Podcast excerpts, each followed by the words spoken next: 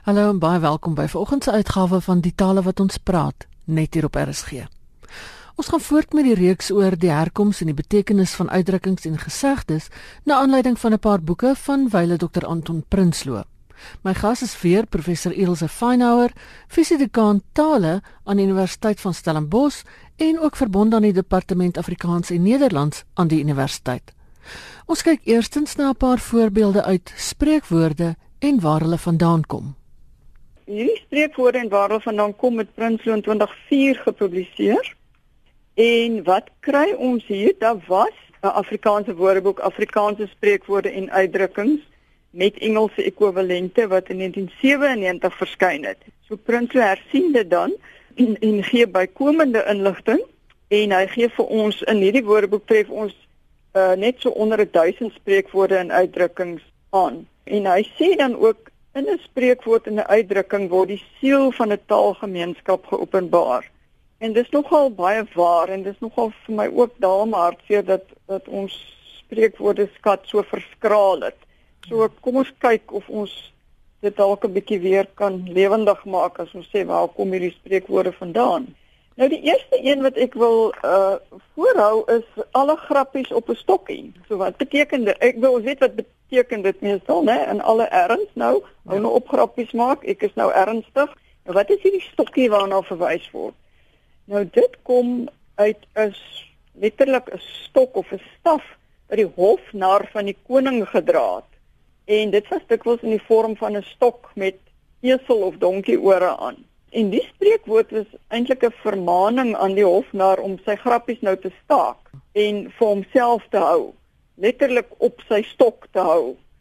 En daar's 'n Nederlandse toevoegsel en dit stokkie in vuur. So alle grappies op 'n stokkie en stokkie in dit vuur, wat daar dui dat die situasie nou so ernstig is dat die hofnar sommer die stok met grappies en al moet verbrand. So dis waar daai stokkie vandaan kom. OK, dan uh, iets wat ons almal ken en nie baie lief vir is nie is 'n blou maandag. Nou waar kom dit vandaan? Dis die dag waarop alles verkeerd loop. Nou jy sal agterkom as ek hulle hoe uh, hoeveel van ons spreekwoorde kom uit Nederlands uit.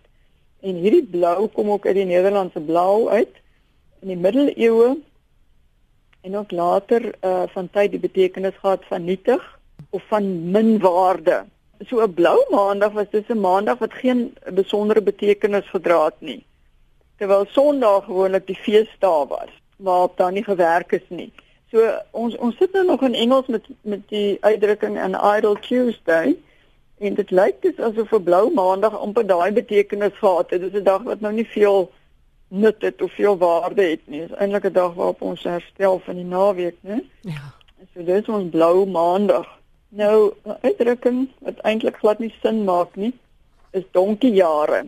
Ek het die familie donkie jare laas gesien. Ja. Hè, baie lank laas. Nou, 'n donkie is nou nie eintlik 'n dier wat vreeslik oud word nie, so dit is nie soos 'n olifant nie of soos 'n krokodil nie. So dis baie vreemd. Nou, waar kom dit vandaan?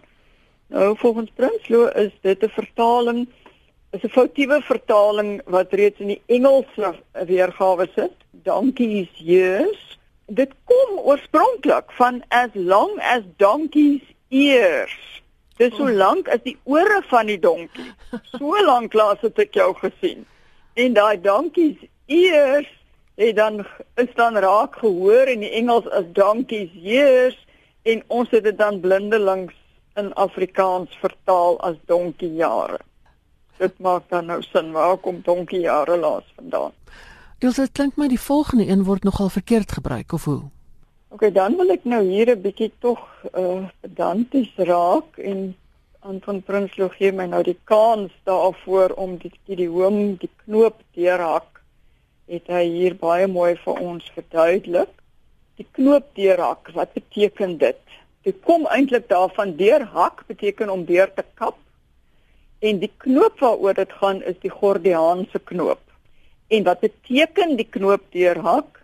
Dit beteken 'n moeilike saak oplos of afhandel. En dit kom uit die Engels to cut the Gordian knot. Nou, waar kom my uh lesie in? Kom ek gee eers die afkoms van die idioom die die die knoop deurhak. Dit verwys na 'n gebeurtenis meer as 2000 jaar gelede waarby Alexander die Grote betrokke was. Uh volgens Prinsloo het hy klein Asië ingeval en hy het op 'n wa afgekom wat die koning van Frigië aan Jupiter opgedra het. En die disselboom van die wa, uh, o, ekskuus, Gordius was die koning van Frigië. Ja.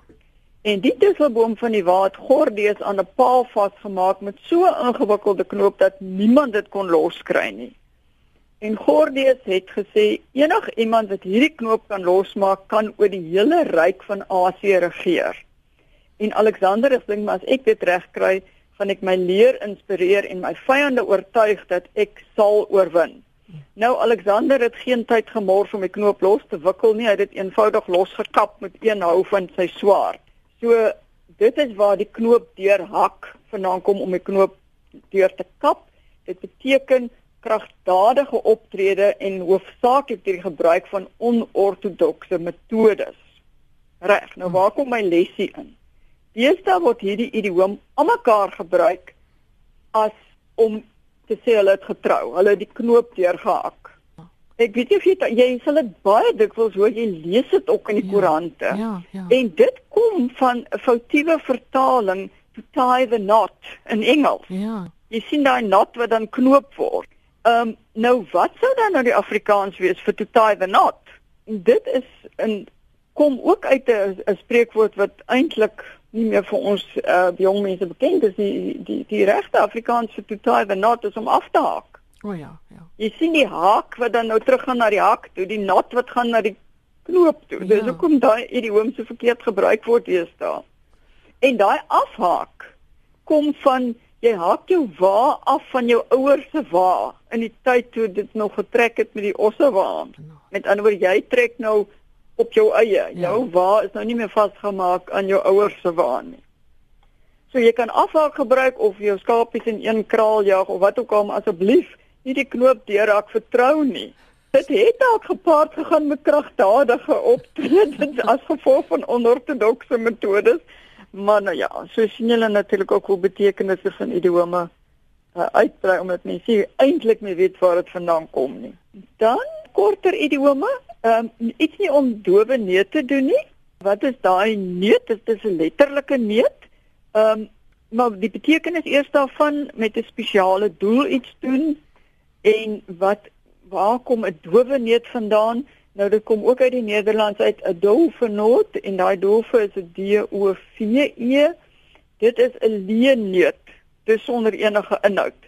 So 'n mens doen dis nie iets vir 'n waardelose voorwerp nie ehm um, op die nippertjie, né, op die laaste oomblik, uh Engels in the nick of time or on the brink of uh, nippertjie is ook afgelei van die Nederlands nypen en ons sê dit uh, uh, dit beteken om te knyp, nypen. Ons sê dit nog met 'n nypende tekort, daai nyp. En as die noot knyp, dan doen 'n mens iets al is dit op die laaste oomblik. So op die nippertjie is as die noot nou baie groot is, dan moet ek iets doen uh, op die laaste oomblik op die nippertjie. Dan uh, nog nie droog agter die ore nie. Hoor ons op baie o, of nog die kind is nog nat agter die ore of jy is nog nat agter die ore, jy kan dit nog nie doen nie. Wat beteken dit jy is nog te onervare? Waar kom dit vandaan? Dit kom ehm um, 'n verwysing na 'n pasgebore dier wat nog nie deur die ma droog gelek is nie. Uh, met ander jy's nou net gebore, jy's nog heeltemal groen of rou, né? Dis ook almal uitdrukkings wat ons daar kan gebruik. Ehm um, jou roes afslaap, ons is terug. Ek lyk my ek nou almekaar hier met die drank te mekaar, so dronk soos 'n lot het ons nog gehad na jou roes afslaap. Waar kom dit vandaan? Uh ons weet wat dit beteken, hè, slaap tot jy weer nugter is. Slaap genoeg, uh Prinsloo, Anton Prinsloo sê hier jou roes uitslaap. Terwyl ons dit eintlik almal ken as jou roes afslaap. Maar goed, dit is dan 'n wisselvorm. Nou in Nederlands beteken 'n roes hê om dronk te wees. So jy kan ook 'n roes suip. Met ander woorde jou dan dronk drink. So dit is letterlik om jou dronkenskap weg te slaap, uit te slaap, slaap tot jy weer nugter is. Nou dis net enkele van die voorbeelde met die herkomste van die uitdrukkings wat ek hier vir julle gegee het. En dit is dan nou volgens Prinsloo nie feit flater of fiksie nie, maar werklik waar hierdie uitdrukkings vandaan kom. En dan kom ons nou by slang. Reg, ons derde boek het die titel Slang met 'n subtitel Woorde, uitdrukkings en hul herkoms. Uh 2006 verskyn. Nou slang S L E N G is die Afrikaans vir die Engelse slang. En uh wat is slangtaal of slang dan nou? Ehm um, dit is gewoon omgangstaal. Baie informele omgangstaal en wat nie altyd in enige omstandigheid of enige geleentheid by enige geleentheid gebruik sal word nie. En dit is vir my eintlik wonderlik dat uh, Anton Prinsloo tog ook aan slang aandag gee want dit is natuurlik deel van ons woordeskat. Ehm um, nou hy gee dan hier vir ons omtrent 1000 woorde. Nee, ekskuus, meer 4000 inskrywings. Uh word hier opgeteken en dit is almal woorde wat half as substandaard beskou word wat nêrens in enige woordeboek nog opgeteken is nie. Want dikwels hierdie slangtaal natuurlik eh, word so algemeen gebruik dat dit naderhand begin in woordeboeke neerslag vind. So dit dit, dit dring deur tot die standaardtaal. Nou hier sit ons nou nog met voorbeelde wat soort van as nie nie aanvaarbaar of fout gemerk sou word deur onderwysers of dosente of wat ook al. So hierdie woordeboek kry jy dan nou die Engelse die slangvorm. Jy kry die korrekte Afrikaans daarmee saam en dan kry jy ook die Engelse vertaling. So dis 'n boek wat nogal ryk en dig is aan aan inligting. Nou die eerste voorbeeld hier wat ek wil uh voorhou aan julle is die woord kop om iets te kop um iets verstaan of iets te snap. Kop dit word ook gebruik in kop jy, né? Ja, ja, kop jy dit. Nou, waar kom dit vandaan? En dit kom nie uit Engels uit nie, dis nie anglisisme nie. Die oorsprong is oud Frans. Nou moet die luisteraar tog maar my Frans verskoon. Um maar die oud Frans is ek dink dit is iets soos capé. Uh, jy spel dit C A P E R. Um en dit beteken gryp. Gryp dit aan, maak dit dis jou eie. So daai kop kom uit kopé of kapé of hoe jy dit ook al sou uitspreek, maar jy hoor die kop amper daarin. So gryp dit aan. Maak dit jou eie. Internaliseer dit. So kop jy dit. Kop jy dit, Ina? ja, daarom. Goed. Dan om op te tof. Op tof. Uh ons ken dit almal as deftig aantrek of uitvat, né? Ons tof ons op vir die oujaarspartytjies. Uh dit kom van Engels af to dress up like a toff en 'n toff T O F F is 'n goed geklede en vooraanstaande persoon. Dan om iemand verkeerd op te vryf. Ja. Ook in die Engels uit to rub someone up the wrong way. Nou let op baie van hierdie goed sal uit Engels uitkom en wat dan beskou word as anglisismes, maar ons gebruik dit ongelooflik algemeen en almal gebruik dit. Nou waar kom hierdie om iemand verkeerd op te vryf vandaan? Nou dit was eintlik nie iemand wat verkeerd opgevryf is nie, maar iets wat verkeerd opgevryf is. Want in die koloniale tye moes die bediendes elke week die plankvloere was en dan droog vryf. En as dit teen die grein gedoen is, dan het daar waterstrepe op die vloerplanke agtergebly. En dit is dan gesê die die, die vloer is verkeerd opgevryf. En later het dit figuurlik oorgegaan op op mense. Maar dan word ook beweer as 'n mens die pels van 'n kat of 'n hond na die verkeerde kant toe vryf, irriteer dit ook die dier. So dit sou ook daarvandaan kon kom. Soos of die vloere wat verkeerd opgevryf uh, gevryf is of jy vryf 'n dier se pels in die verkeerde rigting. Goed, um, dan baie keer hoor ons die uitdrukking blou moord skree. Kind skree blou moord, maar kom stil. Uh kom ook in Engels uit to, to cry blue murder. Uh wat sou die regte die regte Afrikaans daarvoor wees is moord en brand skree. Goed, maar waar kom hierdie blou moord vandaan? Dit kom uit die Engels kom uit die Frans uit en dit is 'n foutiewe vertaling van die Franse uitroep morbleu wat reeds in die 17de eeu bekend was. Nou mort bleu is 'n samentrekking van mort bleu. Nou ek spreek nou daai mort uit, dit is eintlik mort bleu, maar hy word nou met 'n T gespel. Ja. Uh mort bleu beteken blou dood. Nou dit op sigself is sinneloos. Ehm um, totdat uh, Prinsloo vir ons sê daai bleu is eintlik 'n versagting vir die gebruik van deo wat God beteken. So dit is eintlik nogal 'n vloekwoord wat beteken die dood van God. Ja. Morde. Ja. Né? Nee? En dit is te, dit is te erg en met ander woorde daai D is dan versag na blou toe dat dit moord blou word, die blou moord. So of die die blou dood en dan die moor is dan deur die Engelse vertaal as murder in plaas van dood. En daar kom die blou moord vandaan om blou moord te skree. Reg, ek sluit af met twee voorbeelde wat uit die alfabetletter Z kom. Die woord zyni. Ehm um, mallerig of grappig. Mense hoor dit dikwels onder jong mense. Nou in Italiaans is zanni 'n hanswoord. Ons het vroeër oor hanswoord gepraat. Zanni en jy spel dit Z A N N I.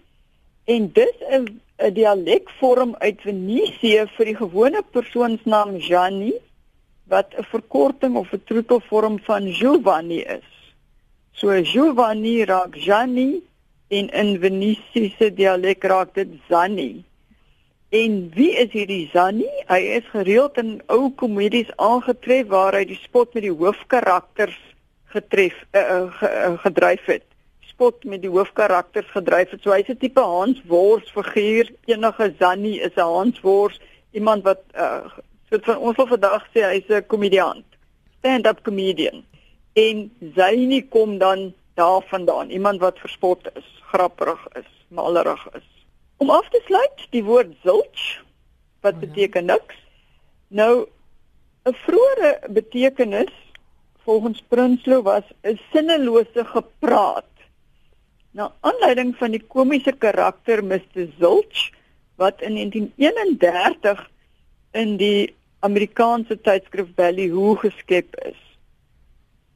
En in die vroeg in die 20ste eeu het Amerikaanse studente na 'n onbeduidende persoon as Joe Zilch verwys. En miskien is dit die oorsprong hierdie Mr. Zilch wat in 1931 in daai tydskrif geskep is. Dis 'n fiktiewe karakter 'n fiktiewe komiese karakter.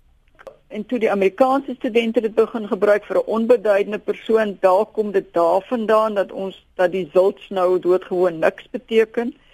Maar uh, nou sê Prinsloo vir ons tussen hakies, die woord beteken dalk niks, maar zults is 'n werklike Duitse van van slawiese herkoms. So daar bestaan regtig 'n van soos Zulch en as dit dan nou Duits Duits is, sal jy dit dan nou seker Zilch uitspreek. So, Zulch, niks meer oor uit hierdie woordeboek nie.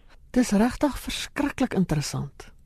Nou kan jy dink, ek het nou maar so deurgeblaai en hier en daar gepik, né? Ek ja. kan nou dink hoe wat 'n ryk inhoud sit daar nog en wat 'n ongelooflike bydrae het Prinsloo vir ons hier te boek gestaaf, ja. te boek gestel en jy weet vir die nageslag mhm. bewaar. Hmm. Ja, ons moet nou net op 'n punt kom wat ons kan dit weer begin terugbring in skryftaal en praattaal sodat dit nie vergeet raak nie. Absoluut. Dit is ons almal se uitdaging wat met taal werk. Dit was professor Ilse Feinhauer van Universiteit van Stellenbosch. Nou daarmee het ons ook aan die einde van vandag se program gekom. Laat hoor gerus van jou. My e-posadres is strydomjj@sabc.co.za. Geniet die res van die Sondag in RSG se geselskap en van my Ina Strydom. Groete tot 'n volgende keer.